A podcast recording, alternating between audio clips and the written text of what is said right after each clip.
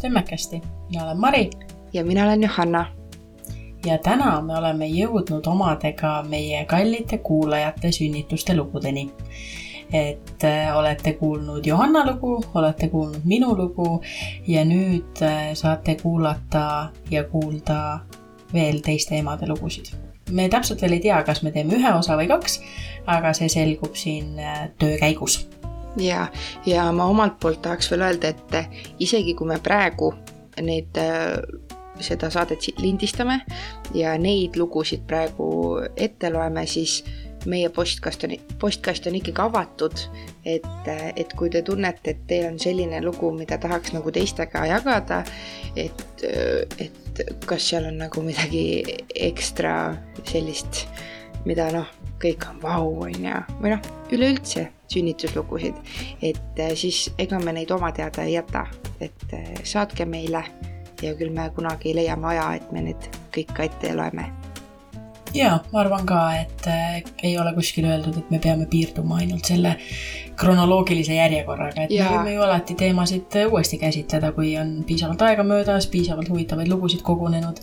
et anna enne, anna endast julgelt teada ja üleüldse ja. nagu see minu arust on nagu kõige kohta, et, et isegi kui meil ei ole mingisuguseid teemasid veel olnud või, või ma ei tea, sa tahad lihtsalt meile rääkida oma kogemusest, oma emadusest, oma sünnitamisest, oma rasedusest, et sa nüüd, nüüd noh, ütleme nii, et siis, kui me need esimesed saated tegid, sa ei olnud veel rase, aga nüüd sa oled juba noh, peaaegu poole peal on ju, et tahad meile midagi rääkida, siis anna minna, kirjuta meile. jaa, absoluutselt Johanna, mis sa vahepeal teinud oled, kuidas sul läheb? vot nii, ma ei olnud valmis selleks küsimuseks, aga ma mõtlen kähku välja, mis ma teinud olen. Äh, ma ei ole väga midagi teinud. siin on ilusad ilmad olnud, ma olen päikest võtnud, laps on õues mänginud. Mm, ma ei tea, elanud suveelu kuidas teil selle suveeluga sääskedega on? Äh, tead, oleneb siin kohast. meie ühe või kaks õhtut oleme saanud sääski, nii et, et äh, pojal oli, ma arvan, et mingisugune nädal aega konkreetne punn põsel nagu ikka jõhker punn onju, ma vahepeal pidin seda isegi mingi äh, kreemiga määrima, et noh, see tõesti läks nagu ilgelt punaseks, aga noh, nüüd see on juba paranenud. et äh,, et meil on nagu sihuke so-so et oleneb kuidagi ilmast või ma ei tea, millest see oleneb. et mm., et vahepeal on ja enamus aega pigem ei ole. kuidas teil? no ma elan jõe ääres, nagunii, et minu, minu krunt piirneb jõega. ehk siis äh, sääsed äh, on by the million mul siin hoovi peal, neid on nii palju, et äh, ma juba mõtlen, et peaks mingi suurema, võimsama, kallima tõrjevahendi või mingisuguse aparaadi kuskile sebima, et, et nendega natuke võitlust pidada, sest et see ei ole väga okei okay enam mm,. Yeah. tahaks ka ju õhtuti kasvõi ise väljas istuda või lasta lapsel vabalt ringi joosta, aga aga päris office'isse uputada teda nagu ei sooviks, et. ei no te peate ostma need, vaata need kaabud, millelt tulevad need võrgud ja mitte ainult kaabud, vaid terve mesilas selle mesiniku ülikonna. ei no ja ma räägingi, et need võrgud võiksid nagu maani ulatuda, et sa mm -hmm. oledki mhm. nagu seal võrgu sees mm. -hmm. näiteks, käime siin nagu kolm telgikest ringi enda hoovi peal. noh, miks mitte või nagu need, kes need Muumioru lugudes on, need valged pikad, need, kes metsa vahel vingerdavad. jah, no mul tuleb praegu meelde. Hatifnafid või mis ja, nad olid, mingid, mingid sellised. Hatif, Hatifnaf Aetif, noh, ah, ma ei tea. vot ei tea. vot igal juhul, igal juhul nii on see suvine elu siin, sääsed ja, ja, ja grill ja päike ja päiksepõletus ja, ja nii edasi, et et ma... endale ju väga kreemi enam ei pane, aga kui kutile läheb meelest äh, määrida peale SPF viitekümmet, siis on tulemus õhtul käes. ei no mina olen see, et ma ikka lapsele panen kogu aeg, aga ise no ei, no ei pane ju, jumal küll, ma tahan pruuniks saada. ja see, see oli veel see eelmine laine, kui olid ilusad ilmad ja olin maal ja mingi kleidikesega onju ja päevitasin, oo päevitan jalgu et jalad ikka võiks ilusad olla, et noh, kleidiga käia ja värk ja jalad olid jumala lumivalged, aga selg oli täiesti ära põlenud. selles mõttes et pole üldse mingit küsimust. ja need päiksepõletused on ikka toredad, mul on äh, kunagi üks sõber jäänud äh,, jäänud niimoodi õue magama kõhuli, et äh, kui ta kolme tunni pärast ärkas, siis ta ei saanud ei särki selga panna, ei istuda mm, -hmm. ei Mhm. no mitte midagi, ta oli konkreetselt lihtsalt üle kere villis. see oli oi, päris õudne. see on kindlalt päris õudne.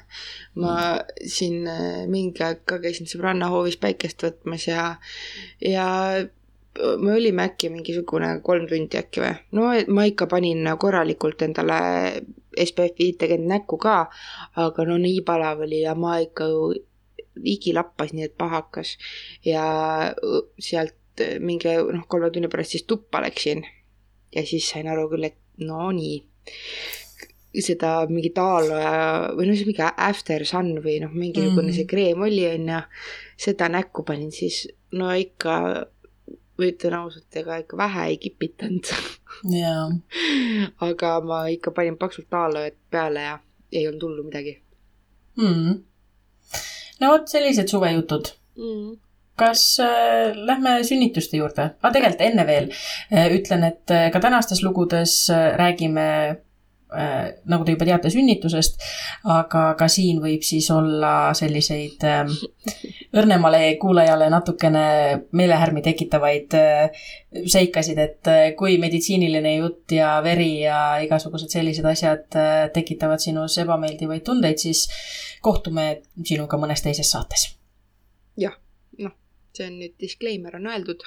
jah, ma hakkan siis puterdama nüüd. hakka pihta. esimene lugu. lugu algas kuuendal aprillil kaks tuhat kakskümmend. terve päev oli sujuva valule väga valud, tugevad ja nõrgad. lõpuks helistasin haiglasse ja teavitasin ja öeldi, et kui tunnen, et vajan kontrolli, siis läheksin. Läksin siis haiglasse kuskil üheteist ajal õhtul. kohe tehti koroonatest ja pandi KTG alla mõne aja pärast arst ütles, et mingid valud on ja jäetakse igaks juhuks haiglasse, kuna laps oli juba üle ka kantud. kella ühe-kahe ajal öösel tehti uus kontroll, siis veel emakas polnud avanenud, aga oli juba pehmem. kella kolme ajal läksid valud hullemaks ja ma ei suutnud magada. lõpuks tehti süst ja öeldi, et peaksin saama umbes kaks tundi puhata, aga sain ainult kahjuks maksimaalselt viisteist minutit hommikusöögi ajal, kuskil kella kaheksa ajal, oli veidi parem olla. istusin ja sõin, kuni tundsin end kuidagi teistmoodi. tõusin püsti ja siis tuli vähesel määral veed. tehti uus kontroll ja avatus oli juba viis sentimeetrit. Läksin jälle oma palatisse tagasi. mingi aeg toodi mulle mingi pukk või toetus, toestus ja liikusin sellega enda toas ringi. kella üheteistkümne ajal ma nüüd siin loen välja, et siis ilmselt kella üheteistkümnenda ajal eh, hommikul tehti uus kontroll ja siis oli avatus juba seitse sentimeetrit. avati omast arust veed, aga mitte täielikult ja ei kontrollitud ka uuesti. anti esilekutsumise tablett ja läksin jälle enda tuppa. kuskil kakskümmend minutit enne sünnitust läksin arstide juurde ja ütlesin, et tunnen end unise ja kurnatuna ning siis pakuti minna sünnitustuppa vaadati uuesti avatust, mis oli juba üheksa sentimeetrit ja siis arutasid, et huvitav, miks rohkem ei ava, avane. ja siis avastasid, oih, veekott on veel ees. avati uuesti ja selle ajaga olid veel rohe, veed roheliseks läinud. ennem oli läbipaistev. anti uuesti esilekutsumise tablett ja kohe, kui selle ära imes, imesin, siis hakkas kakahädatunne ja tahtsin tualetti minna aga keelati, kuna öeldi, et sünnitus algab. algul pidin püsti pressima, siis läksin sünnituspukile ja pressisin. presse sain kokku kuskil umbes kuus teha ja siis võeti vaakum. lapse sünnihinne oli seitse üheksast. sündides ei teinud eriti häält, oli natuke sinine, naba, nabanöör ümber kaela, hapnikupuudus ning rohelised veed kopsu tõmmanud, aga saari, saadi kiirelt kõik kontrolli alla. laps sündis kell viisteist kakskümmend kaheksa ja kokku kestis sünnitus kaksteist tundi ja nelikümmend kolm minutit. tahaksin veel haigla personali kohtlemisest edasi rääkida, aga jätan selle pigem hetkel välja. vot tead, selle, siin oli ka öeldud, et see kakahäda mm. -hmm. nii paljud seletavad seda, selle, et no kui tuleb kakahäda, et siis on nagu tuleb. Ma ei mäleta küll mingit kakahäda sul oli või? see on, no ma ausalt ei mäleta, sest selleks hetkeks ma olin juba nii kaua piinelnud, et mm -hmm. tead, igalt poolt valutas ja igal pool olid igasugused tunded. et ma seda konkreetselt ei mäleta. aga, aga jah, seda on jah räägitud, et, et see on see õige asi nagu mm. -hmm aga noh, isegi ka siin loos vaata on äh, päris mitu asja, mis äh, võisid valesti minna või mis oleks võinud minna nagu paremini, on ju. Mhm. et ma ikkagi siiamaani imestan, et kuidas saab maailm olla ülerahvastatud. et kõik need asjad, on ju, mis saavad minna valesti, raseduse juures ja sünnituse juures ja ema tervisega, lapse tervisega, kuidas on võimalik, et meil on nii palju terveid inimesi maailmas? no see on täielik müstika mu jaoks. Inimesed on ikka hämmastavad. aga äkki sa peaksid minema Telegrami ja uurima seda värki natukene pigem mitte. okei, okei. nii, kas võtame järgmise ette? võtame, see oli sihuke kiire ja, või noh, mitte kiire sünnitus nüüd, aga kiire lugu. kiire lugu, jah ja. Aga noh, kui sa ikkagi kaksteist tundi või minu puhul seitseteist tundi sünnitad, siis mis sa seal nii väga ikka kirjeldad, noh, valus on, kogu aeg on valus. ja lõpuks on laps, väga lihtne kahe okay. lausega. jah. ma järgmine kord ütlen ka äh,. tore oli, aga valus oli. ja siis tuli laps. jah mm. -hmm. selge nii, järgmisena kirjutab meile lugeja nii minu sünnitus algas, kui tundsin ja siis ka nägin oma limakorki eraldumas. enne kui ma edasi loen, siis limakork inglise keeles mucus plug, onju. Mhm on maailma kõige nõmedam sõna. Anyway, muidugi olin ma parasjagu üksi kodus ja läksin vetsu, sest ei saanud alguses aru, mis see on. Siis nägin natuke verd ja sain aru, et see ei ole mingi niisama eritis. helistasin esimesena oma abikaasale, sest ma olin kodus hullumas. tema käskis mul ämmakale helistada ja ütles, et jõuab koju kahekümne minuti pärast helistasin ämmaemandale ja ta ütles, et ma üldse ei muretseks, sest ma ei saa seda last veel vähemalt viis päeva. ütles, et helista, kui tuhud hakkavad. ta oli nii muretu, aga ma juba teadsin, et nüüd on kõik, hakkan sünnitama. Ülejäänud õhtu möödus suuremate vahejuhtumiteta, kuigi eh, tuhud algasid umbes kümne paiku õhtul ja magama jäin umbes keskööl. mind äratas kell seitse kolmkümmend minu esimene suur tuhu ma olin väga elevil, sest see oli minu määratud tähtajapäev. ja ma ei pidanud enam kaua ootama.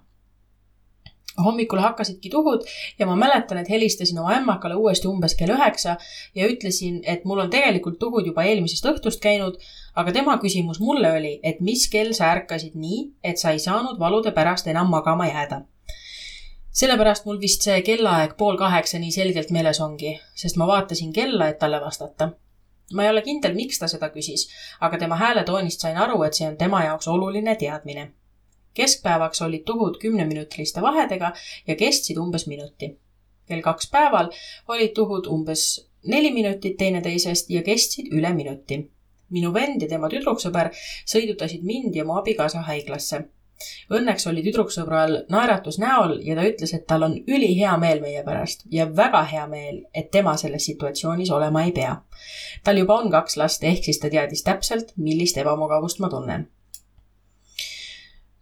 Tundsin tuhusid enamasti oma külgedes ja seljas. ma ei saa kindlalt öelda, et mul oli seljasünnitus mu selg küll valutas, aga see ei olnud nii hull, nagu mõned seljasünnitust on kirjeldanud mu emal oli seljasünnitus ja ta on rääkinud, kuidas ta valust oksendas. olin üliõnnelik, et mul nii hull ei olnud. niisiis ma jutumärkides magasin tuhude vahepeal. ma olin voodis külili loote asendis, mis on irooniline, sest ma ju sünnitasin endale ühte pisikest loodet. Tavaliselt kirjeldan oma tuhusid kui üliela-, ebamugavaid. mul ei olnud väga valus, aga ma ei saanud mitte midagi teha liigutamine oli hirmutav, sest mõnikord käis valu läbi mu jalgade ja tegi need nõrgaks. kui ma oma korterist autosse kõndisin, võttis see tavapärase kahe minuti asemel kümme, sest ma pidin iga mõne sammu tagant seisma ja puhkama. jõudsin haiglasse ja mind võeti sisse kell viisteist null kolm. Vastuvõtutädi küsis, kas ma kõndida saan ja mina ütlesin ei saa ühel hetkel, kui mu abikaasa talle informatsiooni andis, sest mina ei räägi eesti keelt, tuli mingi tüüp tema käest parkimise kohta küsima. õde karjus talle. sina võid oodata, kas sa ei näe, et see naine sünnitab? see oli päris lahe. pärast seda, kui mind ratastoolis üles sünnitusosakonda viidi, nägin oma ämmaemandat seal ootamas. olin maksnud rohkem, et saada eraämmaemand olin õnnega koos, et mul oli ämmakas, kelle juures olin käinud kogu raseduse ajal kontrollis ja tema aitas mu lapsega ilmale minu jaoks oli oluline, et minu ämmakas räägiks inglise keelt, igaks juhuks, kui midagi valesti peaks minema. ämmaemand pakkus mulle naerugaasi, et natuke valu leevendada. selleks ajaks olin ma juba nii väsinud. ma mäletan, et ühes perekooli loengus öeldi, et naerugaas võib mõned inimesed oksele ajada. Ma võtsin gaasi mõned minutid, see natuke aitas, aga enamasti tundsin end nagu oleksin hambaarsti juures. suu oli tuim ja pea käis natuke ringi järgmisena mäletan, et mu abikaasa tuli minu juurde ja pakkus mulle midagi ja kõik, mida ma suutsin öelda, oli see, et astu eemale, ma pean oksendama. ta andis mulle mingi väikse kandiku, mille peal tavaliselt abivahendeid hoitakse. kui ma ei oleks oksendanud, oleksin ilmselt hakkama saanud loomuliku sünniga. Aga pärast seda olin nii nõrk ja väsinud, et saatsin mehe ämmakat otsima ja epiduraali küsima. kui me sünnitustuppa jõudsime, panime mängima mõnusat džässmuusika kui arst tuli, et epiduraali teha, mida ma enamasti üldse ei tundnud. ma ei tea, kas see oli sellepärast, et ma olin juba nii väsinud ja tuim või oli arst lihtsalt nii hea. aga igal juhul ta kommenteeris meie muusikat ja ütles, et ta sooviks, et rohkem inimesi sellist muusikat kuulaksid. Pärast epiduraali süsti jäin ma natukeseks magama. ma arvan, et umbes neljakümne viieks minutiks hakkasin uuesti kokkutõmbeid tundma ja see kõik oli nii ebameeldiv, et palusin abikaasal ämmaemanda kutsuda. kui ta jõudis, ütles ta mulle, et selleks see nupp siin ongi. vajuta, kui sa tunned kokkutõmbeid. ma küll ei mäleta, et nad oleksid mulle seda näidanud, aga küllap ma siis lihtsalt unustasin. järgmine kord äratas mind juba tunne, et pean pressima. See oli nii kummaline, aga ma teadsin kohe, mis see on. viimaks oli aeg teha see raske osa ja laps välja saada pressid kestsid umbes poolteist tundi. ma arvan, et oleks vähemaga hakkama saanud, kui poleks olnud epiduraali, aga ma ei kahetse selle võtmist. ma pressisin valesti, sest üritasin pingsalt keskenduda nendele lihastele, millega kakatakse, aga ma ei saanud asjale pihta. mäletan, et ühel korral pressisin õigesti ja kakasingi. ma ise seda ei tundnud, aga tundsin, kuidas ämmakas selle ära pühkis võib-olla on see liiga palju informatsiooni, aga ma ei häbenenud seda. ma soovisin lihtsalt nii väga oma lapsega kohtuda, et ma ei muretsenud selle pärast üldse. ämmakas ei öelnud ka midagi, see lihtsalt ei olnud sellel hetkel oluline. ühel hetkel pidi ämmakas toast lahkuma. ma ei mäleta, kas see oli sellepärast, et mina vajasin pausi või oli seda tal vaja, aga enne kui ta lahkus, lasi ta mul külili keerata ja pani mulle kotttooli jalgade vahele. Ütles, et kui ma pean edasi pressima, siis andku ma minna ja kutsugu me ta tagasi. mulle tundus see kotttool huvitav, ma ei oleks ise selle peale tulnudki, aga see tundub päris loogiline. ma ei mäleta kõiki pressimise detaile. mäletan seda, et ma tahtsin meeleheitlikult olla põlvili. aga kuna olin saanud epiduraali, pidin olema selili. abikaasa hoidis mu õlgu ja mina hoidsin ise oma põlvi ühel hetkel ütles ämmakas, et ta lõikab mu lahti, et beebile rohkem ruumi teha. ma anusin teda, et ta seda ei teeks. see oli üks asi, mida ma tõsiselt vältida soovisin. pärast veel mõnda pressi, kui beebi hakkas lähemale jõudma, kutsus ämmakas veel ühe õe appi. Nad kahekesi hoidsid mu vagiinat lahti, kuni nad, kuni ma tegin viimased pressid ja oilaa mu laps oli kohal. see tunne, kui ta välja tõmmati, on üks maailma kummalisemaid tundeid, aga samas üks maailma parimaid, sest see tähendas, et mu laps on siin ta hakkas nutma ja ta sai sünnihinde, sünnihinde skooriks üheksa. ja seal ta siis oli, minu laps. aga pärast seda õnne, pärast seda õnne tuli üks õudsemaid osasid, puhastus ja õmblused. mul õnnestus äh, sisselõikeid vältida, aga mul oli ikkagi rebend. epiduraal endiselt mõjus, aga niidi läbitõmbamise tunne ajas mul südame pahaks mul on niigi õmblemise vastu hirm ja see tunne oli lihtsalt õudne. ma keskendusin sellel hetkel oma beebile, kes minu rinnal hingas, oma väikeseid sõrmekesi liigutas ja pilgutas oma isa suunas silmi. see oli lihtsalt vaimustav, see õnnetunne, et ta on kohal ja see väsimus, mis saabus, olid imelised. mu beebi oli suur laps, neli koma kaks kilo ja viiskümmend kolm sentimeetrit. ta peaaegu pissis täis haiglaõe, kes teda kaalumas läk-, kaaluma läks, aga õnneks oli õde kiire ja jõudis eest ära hüpata jutu jätkuks, kui kõik oli tehtud, oli meil võimalus olla umbes tund aega sünnitustoas, enne kui meid perepalatisse viidi ja ma olin väga näljane. kakskümmend neli tundi oli möödunud ja ma olin söönud vaid ühe õuna. niisiis ma palusin oma kaasal ulatada mulle koti Snickers. kui ma seda sõin, astus tuppa mu ämmaemand ja ohkas, öeldes sa saad varsti korraliku söögi, kui palatisse jõuad. Ma ei arva, et ta mõtles seda halvasti, aga minul oli sellegipoolest väga piinlik mul nagu tõusid siis, kui see, et laps on kohal, siis mul tõusid ihukõrvad lihtsalt püsti see on see, noh, mäletad seda tunnet, on ju? no. kui see nagu, see raske osa saab läbi, sul on peepsu käes. ma nagu mäletan aga nagu ei mäleta ka. no nagu selles suhtes, et jah, jah, tahaks veel tunda seda. jah hakka siis kodu ostma, ma saan aru, et see on ainus takistus praegu jah. no vaatame, vaatame. ja, ja, jah, jah. ei, tegelikult ma, jah, okei okay. mm. -hmm. ja ei, väga ilus sünnituslugu oli. see oli, ma räägin, et mul nagu tõusid nagu ihukarvad püsti. see yeah. väga, väga äge mm. -hmm. nüüd äh, need mõlemad olid noh, pigem sellised noh, pikemapoolsemad sünnitused onju mm. -hmm et äh, nüüd äh, me teeme kõik äh, varasemad sünnitajad ja üleüldse ilmselt enamus sünnitajaid kadedaks, sest räägime ühe turbobeebi sünnituse ma arvan, et turbo on ikkagi ema, mitte beebi. no tandem üleüldse. tandem, jah, ja, ja. nii, ja see kõlab nii. mina olen sünnitanud kaks last mõlemad sünnitused on kulgenud keskmisest kiiremini. esimene sünnitus kestis ametlikult kolm tundi ja seitse minutit, millest valusat aega oli umbes tund ja viisteist minutit. teine sünnitus oli aga veelgi kiirem. juba esimese sünnituse järel hoiatati, et teine tuleb tõe-, tõenäoliselt veel kiirem naljatlesime veel, et peab vist igaks juhuks kuu aega enne sünnitähtaega haigla kõrvale telki kolima, sest muidu ei, ei jõua äkki haiglasse nali naljaks, aga teine sünnitus oligi oluliselt kiirem. päeval, mil pisipoeg sündis, käisin rahulikult pediküüris ja lapse peatset sündi ei reetnud miski. pärast pediküüri jalutasin bussi peale ning sõitsin koju. kodus tundsin, et äh, miski pole nagu päris õige. Valus ei olnud, aga tundsin, et miski tekitab alakehas survet kuna esimene laps sündis ka vähese valuga, siis otsustasin igaks juhuks kontrolli minna tähtajana oli veel nädal. haiglasse jõudes ütlesin vastu tulnud ämmaemandale, et ma pole küll kindel, aga ma vist hakkan varsti sünnitama. ta küsis kahtlustavalt, et millal valud algasid. kui ütlesin, et polegi alanud, siis oli ta skeptiline ja ütles, et ta kahtleb selles, et ma sünnitama hakkan. Aga kui juba kohale olin tulnud, siis vaatame olukorra üle ämmaemand juhatas mind läbivaatusruumi ja ta oli väga üllatunud, kui ta avatust kontrollis. jah, koju see tõesti enam ei lähe. ka kaheksa sentimeetrit avatust. ta oli äärmiselt üllatunud, et selline avatus valudeta tekkis. mina polnud, sest esimene, esimese lapsega tekkis avatus samuti olematu valuga. igatahes saadeti mind sünnitustuppa ja jäeti valusid ootama kõndisin sünnitustoa põrandasse ringikujulist auku sisse, et valusid või vete tulekut stimuleerida, aga kahe tunni jooksul ei tulnud ei valu ega veetära.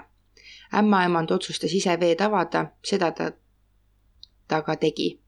ütles, et nüüd läheb tükk aega, enne kui midagi juhtub.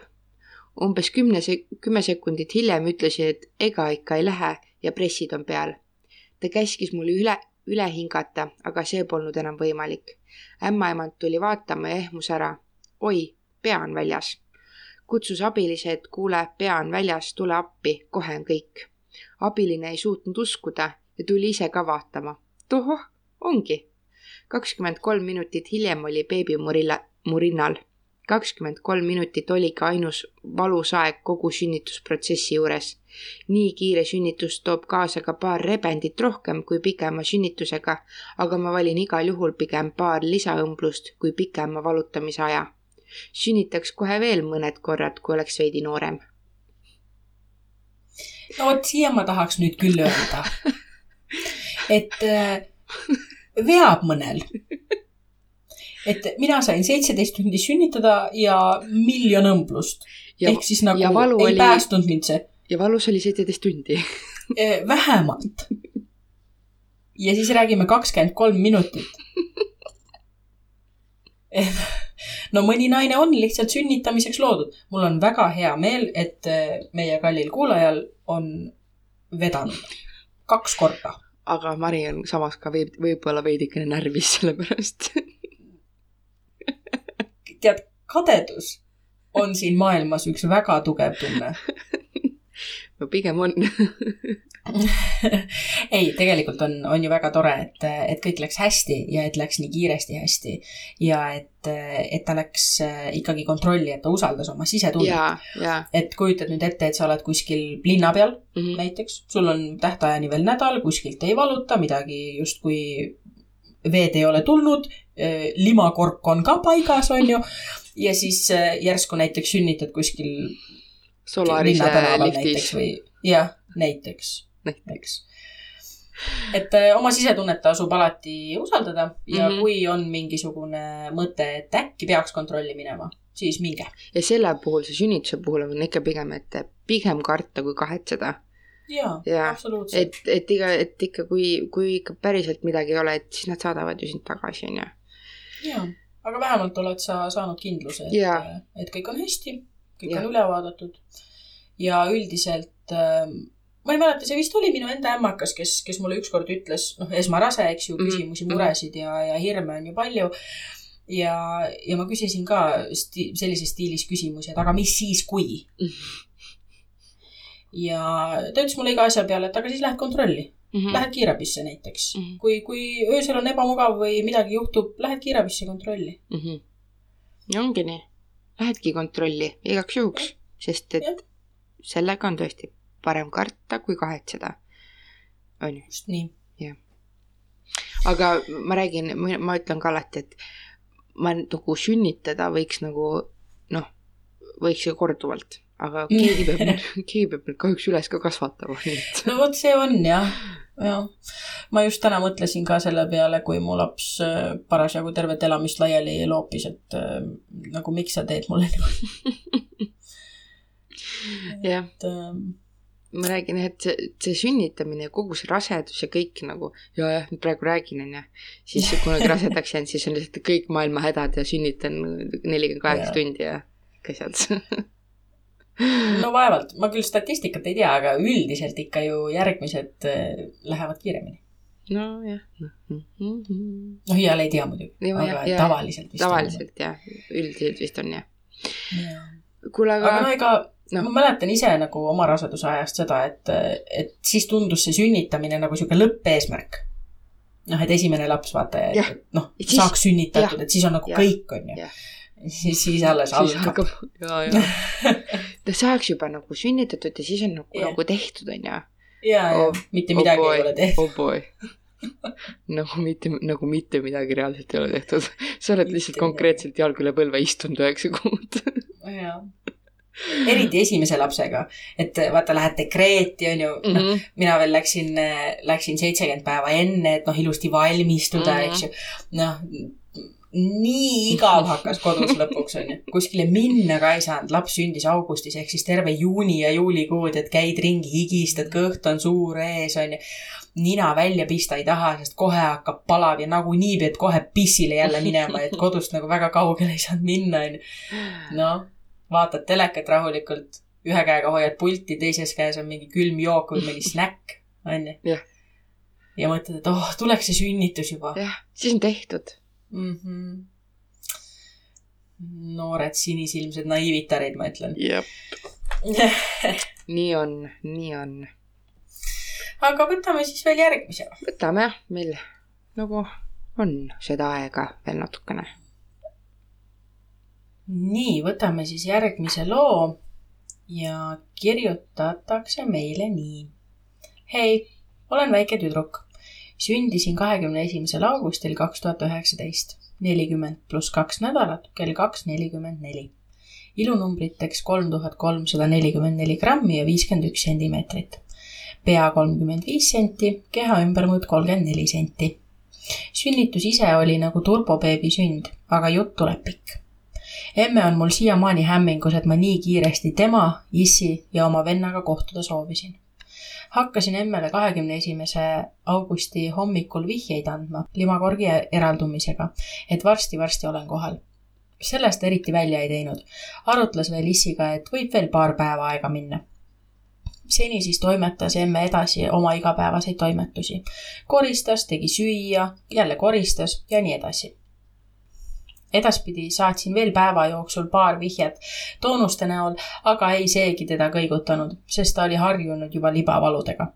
õhtul, kui venna magama pandi ja emme otsustas filmi vaadata, saatsin talle mõned emaka kokkutõmbed ja neid märkas ta vaid püsti tõustes.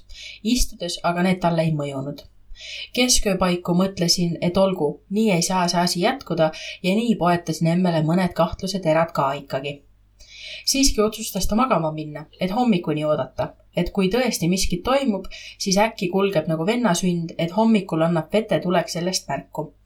kuid sedasi ma ei lasknud tal ka olla, keha vajas puhastust ja see vaikselt juba pani ta mõtlema.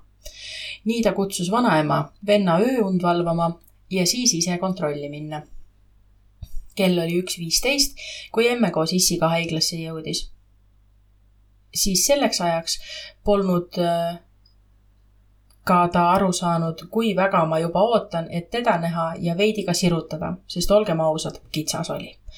üks tore ära ämmaemand kontrollis avatust ja ütles, et seda on lausa kuus sentimeetrit.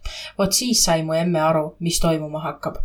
ta veel imestunult küsis, kust see sinna sai, sest ju valusid polnud kui selliseid, mis temale viitaks et hakkab sünnitama, ilmselt see libatuhude trenn aitas kaasa.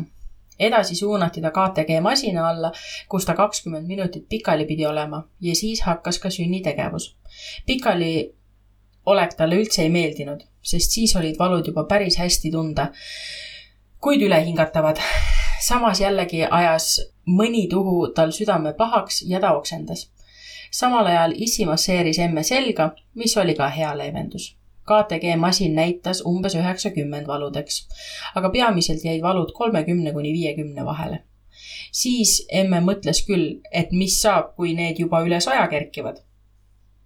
aga siiski õnneks ei tõusnud need numbrid nii kõrgele kui emme selle masina alt pääses, siis suunati ta sünnitustuppa, kus ta tuhutas edasi ja ootas, et veed ka tuleks ära, aga siiski soovitas ämmaemand need avada, et seda rutem beebi käes aga ta oli nõus ka veel natuke ootama, sest emme oli natuke olukorrast kohkunud, et kuidas siis veel kiiremini saab minna ja hakkas valude ees hetkeks hirmu tundma. selleks ajaks oli kell kaks kümme ja avatust kaheksa sentimeetrit. kell kaks kümme äh, ämmaemand ikkagi veed avas, sest pressid hakkasid endast märku andma. vett tuli üsna vähe ja ämmaemand kontrollis, ega pole kuskil veepõisi. vot see oli väga valus et tõesti sünnitegevus on käimas ja hetkeks võttis häälepaeltel noodid kõrgeks ja palus ämmaemandalt, et ta rohkem ei uuriks seal all. ämmaemand mainis ka ära, et veed polekski sel korral ise tulnud. koheselt algasid ka intensiivsed pressid ja siis oligi kõik järsku emme jaoks nagu kiirrongil olemine. kiirelt sättis ämmaemand ennast koos lastetoa õega valmis ja andis emmele loa pressima hakata, et ma ikka ruttu emme, emme rinnale saaksin. külili asendis oli emmel kõige mugavam pressida ja mõne pressiga ma siia ilma sündisingi. mul oli kolm korda nabanöör ümber kaela, aga enda õnn, aga endast õnneks see ohtu ei seadnud ainult issi ehmatas korraks, kes vapralt kogu aja emme juures seisis ja ergutas, aga koheselt oli tal rõõm ja õnn silmades ja nii mind emme rinnale tõsteti selleks ajaks oligi kell kaks nelikümmend neli ja tegin mõned neiule kohased tervitushüüded ka. emmele kõlasid need nagu vile ja nüüd ta kutsub mind siiamaani vahest piiksu, piiksupilliks. issi lõikas läbi nabanööri ja sellest hetkest algaski minu iseseisev elu. lisaks, kuna ma sellise kiiruga tulla soovisin, sai emme kaks sisemist õmblust ka, aga nende üle ei kurda, sest neid pole tunda. Omal jalal jalutas ta peretuppa igal juhul, jätkuvalt eufoorias ja hämmingus, et mis nüüd siis juhtus. aga kokkuvõtteks siis üks viisteist haiglasse, kaks nelikümmend neli olin kohal. emmele oli see teine sünnitus ja oskas vaid unes näha sellist kiiret protsessi, kuigi esimene sünnitus kestis kuus tundi. aga nii võiks iga sünnitus kesta. esimese ja teise sünnituse valud erinesid ka täielikult juba kestvuselt ning ka valutasemelt. teine sünnitus oli tõesti ülehingatav ja valuhood ebamaiselt lühikese intervalliga. Saare naisele kohaselt ei saanud ta ühtegi valuvaigistit ka, sest neid siin lihtsalt ei anta ja hea otsus oli mitte koju magama jääda, vete tulekut ootama. et järgmine kadedust tekitav kiirsünnitaja. no vot. oled jällegi natukene, tunnen natukene võib-olla kadedusnooti, närvilis oh.. tead äh, ma pean sellest tundest lihtsalt lahti laskma. ega siin ei ole midagi. tunnen rõõmu kõigi üle, kellel nii lihtsalt läheb jah, see on. minul see nii ei läinud jah, no minul ka nii lihtsalt ei läinud, mul läks küll lihtsalt, aga noh, tead, need ikkagi natukene ajavad kadedaks ikka veel küll kergelt, kergelt küll. vot, ei noh, selle kuulaja esimese sünnituse lugu on meil ka olemas, aga selle räägime ehk mõni, mõni teine kord, kui me teie lugusid siin, äh, siin räägime, et lihtsalt muidu, muidu läheks meil see mm -hmm. Oleks siin täna väga pikaks mm. aga me jõuame. ühe kindlasti, et üks on meil keisrist siin mm -hmm. ette valmistatud, et äh, kellel on lausa kolm keisrikogemust. nii, kolme keisri lugu tuleb siit. minu esimene rasedus oli nagu rasedus ikka. algul paha kuni kaheteistkümnenda nädalani ja siis oli hea olla. Kuni neljakümnenda nädalani, kui kõhubeebi ei tahtnud ikka veel välja tulla. kakskümmend üheksa november oli esimene tähtaeg. sõbrannad naersid, et jõulubeebi. ämm muheles, et tuleb tema sünnipäevaks ja nii oligi. sündis neliteist, kaksteist. aga kandsin üle sai nelikümmend kaks nädalat juba täis ja kutsuti Pelgulinna sünnitusmaja esile kut-, kutsumisele. mina koos asjadega valmis minekuks. kell kaheksa sisse, mees saadeti koju. arst kontrollis, sain oma paberid ja palatisse, kus oli veel kaks naist. sain oma tableti ja ootasin. esimene naine, naine lahkus kella kahe paiku, teine kella kuue paiku, mõlemad tulid hommikul sisse sain päeva jooksul kolm tabletti esile kutsumiseks ja teisel päeval ka. teisel päeval tulid tuhud ja iga nelja minuti tagant. valves olev ämmaemand ütles, et ma pole sünnitaja nägu ja saatis palatisse tagasi ja ma tuhutasin siis edasi. järsku üheksa ajal õhtul tuli üks arst, ütles, et nüüd teeme nii, et saad pepusse süsti ja rahustame tuhud maha.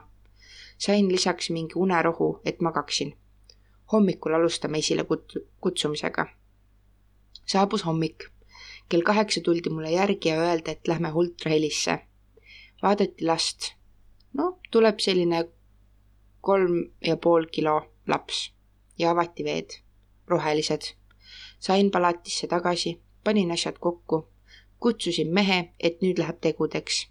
Läksime sünnitustuppa, lapse pea külge pandi see asjandus ja tulid tuhud iga tuhu oli valusam kui eelnev.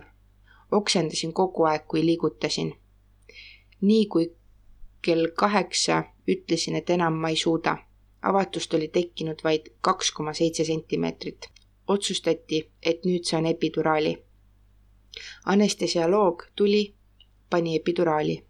mõnus, keha sai puhata ja siis tuli lause, et nüüd paneme tilga. ja tuli suur pikk ja väga-väga jube valu ja lõppes kella kümneks lõppes sünnitegevus. karjusin mehele, et kutsuge arst, see pole enam normaalne, kas ma keisrit ei saaks? arst vastas, et küsimise peale keisrit ei saa. Tegi ülevaatuse ja veendus, et sünnitegevus rauges ja avatust pole rohkem tekkinud. imelikul kombel hakkas neil kiire. tulid keisripaberid ja pidin neile allkirja andma. ainus lause, mis meelde jäi, et keiser võib lõppeda surmaga. ja ma nutsin valmistati keisriks ette ja viidi opisaali. ma nutsin terve tee. see tee tundus nii pikk. ja ma olin väsinud, nii väsinud. Emotsioonid käisid sel päeval miljoneid kordi üle pea ja mees suitsetas ära ploki suitsu. opisaalis öeldi, et rahune, teeme sulle lõike ja kui tunned, siis anna teada. ei tundnud, aga teist lõiget tundsin ja röökisin täiest kõrist. mind pandi magama laps sündis neliteist detsember kell null null kakskümmend.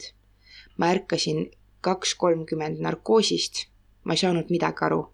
Vaatasin oma meest ja mõtlesin, et jube tuttava näoga, et nagu ma oleks kusagil teda näinud. ta ütles, et laps on su kõrval. palusin esmalt, et ma tahan oksendada. too miskit, kuhu saaks oksendada ja siis tuli arst ja hüppas mu kõhule. röökisin. veri oli vaja vaja haavast välja suruda. paluks enne öelda, kui kõhule hüppad. kolm kolmkümmend saadeti mees koju ja ma sain ühispalatisse koos oma beebiga. Alles siis sain aru, et jah, ma olen ema ja mul on laps. pisipoeg kaalus sündides neli tuhat kakskümmend neli grammi ja oli viiskümmend viis sentimeetrit pikk. teised kaks keisrit olid ilusad ma läksin poole kaheksaks Pelgulinna sünnitusmajja, andsin oma paberid, mõõdeti vererõhku ja saadeti palatisse ette valmistama. mees oli ka kaasas. mul oli isiklik ämmaemand, kes mind abistas, ette valmistati ja kell kaheksa kolmkümmend viidi opisaali. anestesioloog tuli, pani mulle selle epiduraali, et tuimestada mu alakeha ja siis, kui see oli tehtud, siis tehti lõikus. mõlemil korral sain beebit näha musi anda otsa ette ja viidi issi juurde ärkamispalatisse. mind õmmeldi kokku ja viidi ärkamispalatisse. kõige kergem oli, kõige kergem keiser oli viimane, sest ma teadsin, mis mind ees ootab. esimesel, esimesel korral oli teadmatus. teisel korral hirm, et äkki kordub sama, mis esimesel korral. kolmandal korral ma enam ei kartnud. no vot võib ka nii minna. võib ka nii minna või tõesti, ma, ma ütlen ausalt seda keisrit, noh, ma ei, ma ei kartnud sünnitust absoluutselt.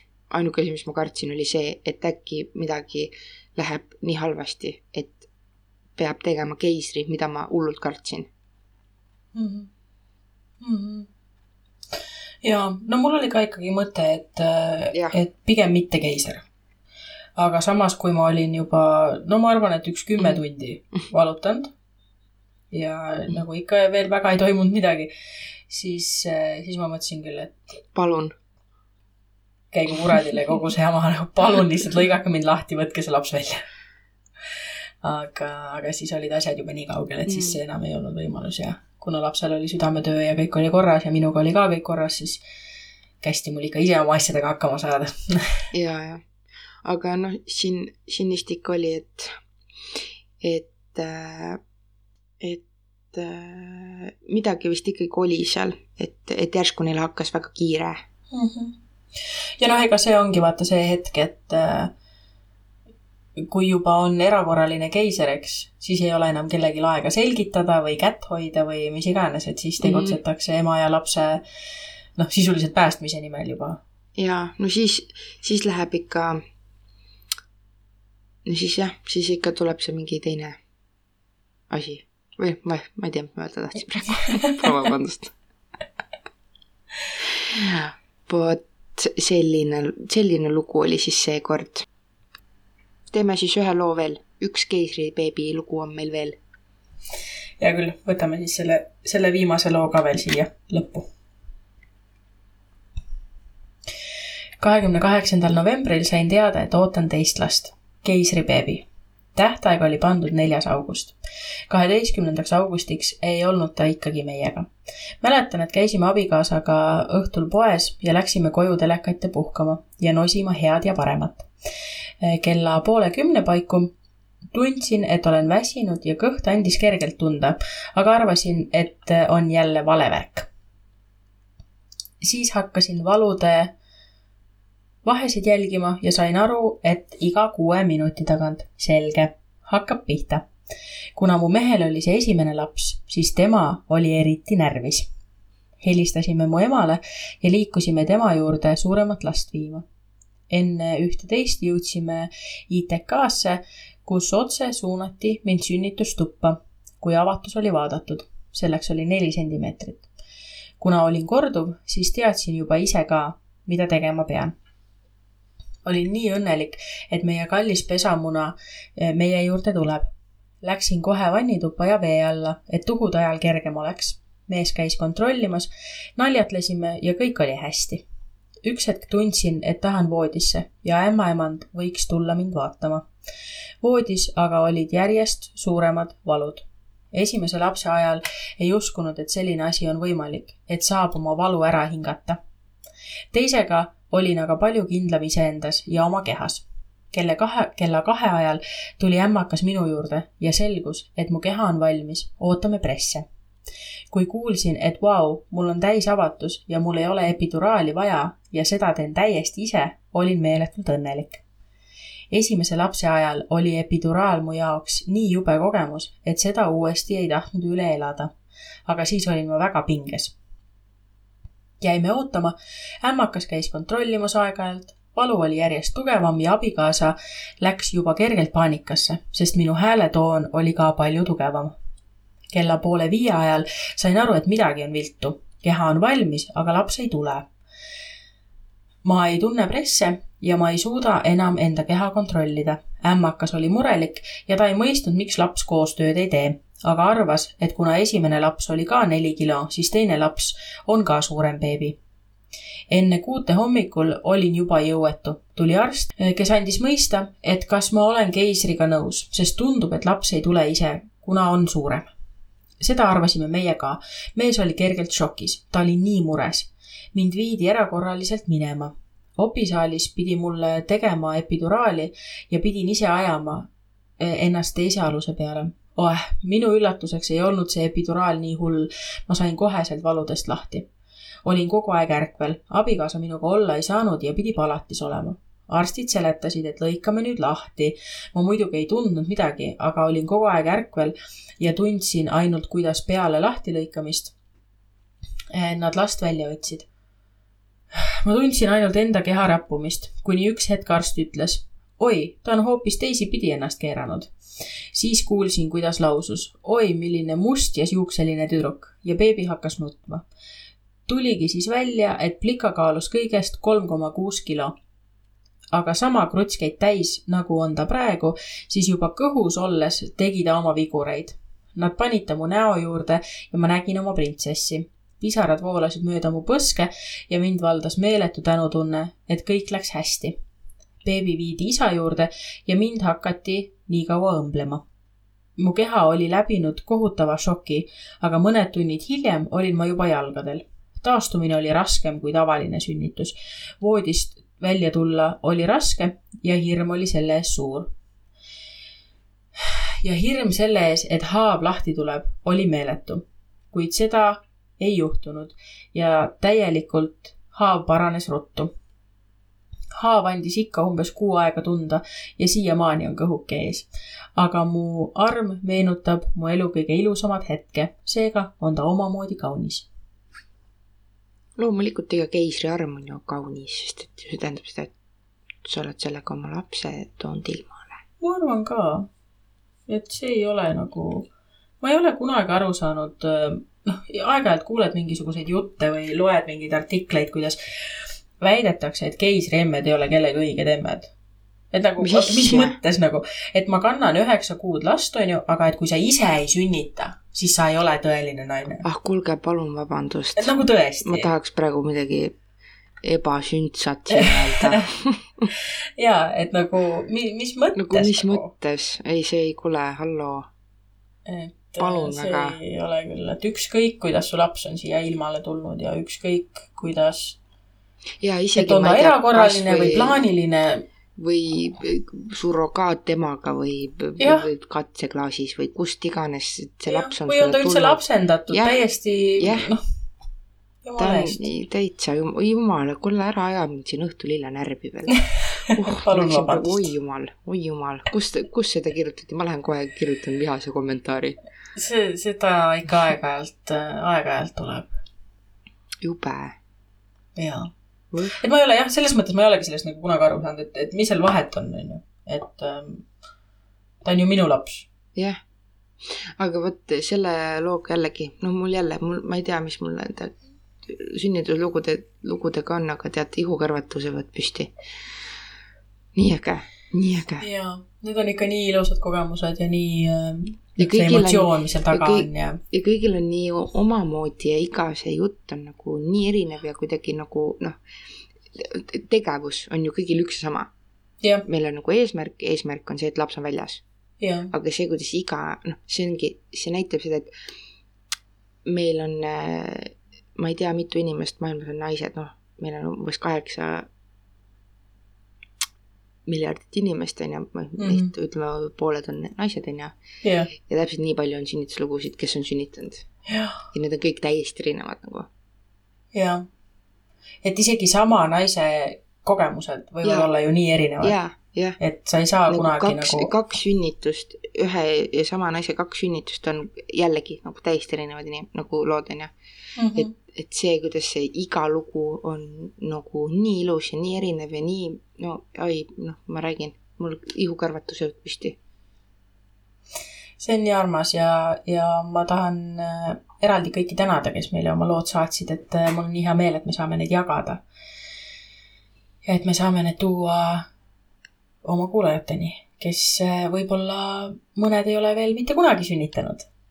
Aga näiteks hakkavad sünnitama ja või võib-olla nagu sellest, sellest eh, saatest äkki saab siis natukene nagu sellist mm, äkki rahutunnet, et, et ära kuula, kuidas keegi, noh, kes noh, või nagu kuula seda, et üks inimene võib seitseteist tundi sünnitada ja üks võib nagu kakskümmend kolm minutit sünnitada. ja, et eh, ära põe ette, sa ei tea mitte kunagi, niikaua, kuni see hetk on käes. ja, ja, ja sa saad ise teha ainult seda, et sa mõtled enda jaoks läbi, mida sa tahaksid. Aga samas sellesse plaani ei tohi nagu kinni jääda, eks. ja, ja, et äh, esiteks mõtle läbi, kas sa sünnitad haiglas, kas sa tahad sünnitada kodus äh,. kui sa tahad sünnitada haiglas või kodus, kes sa tahad, et seal kõrval oleks, eks Mhm. ju, et kas sa võtad endale eraämmaka äh,, kas sa tahad, et äh, su mees oleks seal või sa tahad, et su ema hoiaks su kätt, mis iganes. et sellised asjad mõtle enda jaoks läbi. aga, aga ma loodan ka, et nendest erinevatest lugudest on äh, olnud äh, nii palju kasu, et äh, et sa kasvõi tead, mis, mis need olukorrad on ja mille peale võiks mõelda. ja, ja minu arust, minu, noh, minu arust on hästi tähtis see, et, et ära nagu üle ka mõtle, et Mhm. proovi nagu hästi rahulikuks selle, selle koha pealt jääda, et nagu viimane lugu oli ka, et esimene sünnitus ta oli hästi pinges, aga et äh, järgmise sünnitus, sünnitusega ta oli juba enesekindlam oma kehas ja ta suutis oma keha kontrollida. et see nagu, kui sa lased sellel mõttel nagu peast lahti, et see on nii valus ja noh, et see on nagu hirmuäratav, ära mõtle seda, mõtlegi lihtsalt, et noh, see on vaja ära teha, see on noh, räägin, iga valu, mis sa tunned, aitab sinul sinu beebi sinu käte vahele, on ju. et, et see, et see just see kartlikkus või see kuidagi, et selle võiks kuidagi proovida, et, et ei kardaks. ja no seda on ilmselt oluliselt lihtsam öelda, kui, kui no teha.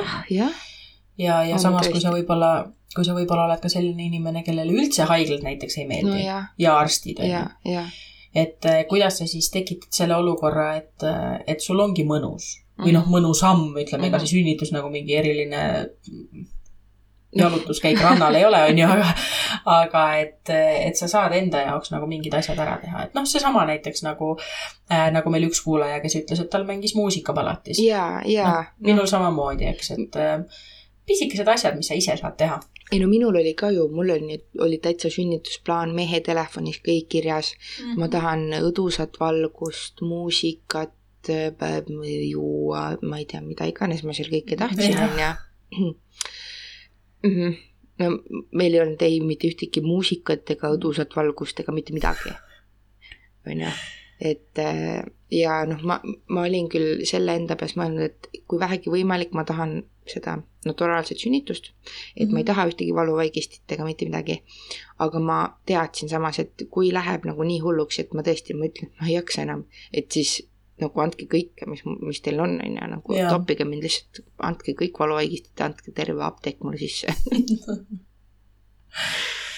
ja esimest korda, kui ma üldse, ma arvan, et see vist oli mingis perekooli loengus, kui ma üldse kuulsin sõna sünnitusplaan, onju, siis minu esimene mõte oli, et ma ei tea, et plaan oleks äh, laps kätte saada, et kas selle peab ka sinna kirjutama? et see tundus kuidagi nagu nii napakas onju ja siis, kui ta rääkis edasi, et noh, et kes tahab seal muusikat ja kes Mhm, tahab vees olla ja kes Mhm. tahab duši all olla, kes tahab palli onju, siis issand jumal, ma ju ei tea. Mhm. ei, mina arvasin ka alati, et ma raudselt tahan vees olla, et ma tahan vanni minna mm,. No, thank you. Aga see, ma palli peal istusin seal duši all küll, see mulle väga meeldis. aga et kui ma oleks seal, mingi kuskil vanni roninud mm, -mm. et see noh no,, ma räägin, et need võiks nagu enda jaoks kuidagi jah, välja mõelda täpselt nagu sa ütlesid, aga et nendes mitte liiga nagu kinni olla. jaa, et äh, iga plaan võib muutuda ja lõpuks äh,, kui sa oled otsustanud äh, näiteks ikkagi haiglasse minna äh, sünnitama, mida ma nüüd protsenti ei hakka ütlema, sest ma muidu valetan, aga ikkagi väga suur enamus Eesti naistest äh, Mhm. läheb haiglasse sünnitama, siis äh, sa oled seal professionaalide käe all. et äh, usu sellesse, Jaa. usu sellesse, et need inimesed teevad oma tööd selleks, et sina oleksid terve, et sinu laps oleks terve. ja need otsused, mis võib-olla võetakse vastu kiirustades ja niimoodi, et sulle kõike lõpuni ei selgitata, tehakse sellepärast, et äh, ju siis on sellel hetkel lihtsalt nii kiire. jaa, see on, see on õige tähelepanek. ma tahtsin siia lõppu äh, ka midagi veel öelda, aga mul ei tule enam meelde kahjuks. no vot. nii et las ta siis jääda. aga hõikame siis siia lõppu välja meie järgmise nädala saate. et äh, meil on ülihea meel, et meiega ühineb äh, sünnitoetaja Tuula äh, Marika, kes räägib meile igasuguseid põnevaid asju, esiteks oma tööst, oma klientidest, kuidas sünnituseks valmistuda, kuidas endale toetajat valida. me küsime tema käest igasuguseid põnevaid asju ja, ja temaga vestlus saab olema kindlasti väga huvitav. ja pärast seda, täpselt seda veel välja ei hõika, aga ilmselt me lähme väiksele suvepausile, aga sellest räägime juba siis, kui see asi on kindlam. jah, seal me veel peame otsustama veel midagi. ja, ja jällegi ma tänan sind, kallis kuulaja, et sa oled meie podcast'i võtnud endale klappidesse või autosse või kus iganes sa parasjagu oled. ma loodan, et sa saad äh, siit midagi. ja, ja ma loodan, et äh, ühel hetkel sa soovid ka meiega oma lugusid jagada, et oled sa praegu ema, oled sa tulevane ema, planeerid sa kunagi üldse emaks saada. jaga meiega oma lugusid, oma kogemusi, ükskõik mis teemadel, isegi kui me neid veel välja hõiganud ei ole. jaa, see, ma räägin, sa oskad nii hästi neid sõnu ritta seada, et ma põhimõtteliselt võin lihtsalt noogutada ja öelda mm. -hmm. Mm -hmm. no keegi peab kaasa ka noogutama. ja ma võin vabalt see olla. no vot, nii et ma nõustun kõigega, mis Mari ütles. oli tore. oli tõesti tore. aitäh, et te olite meiega ja kuuleme juba järgmisel nädalal. tšau.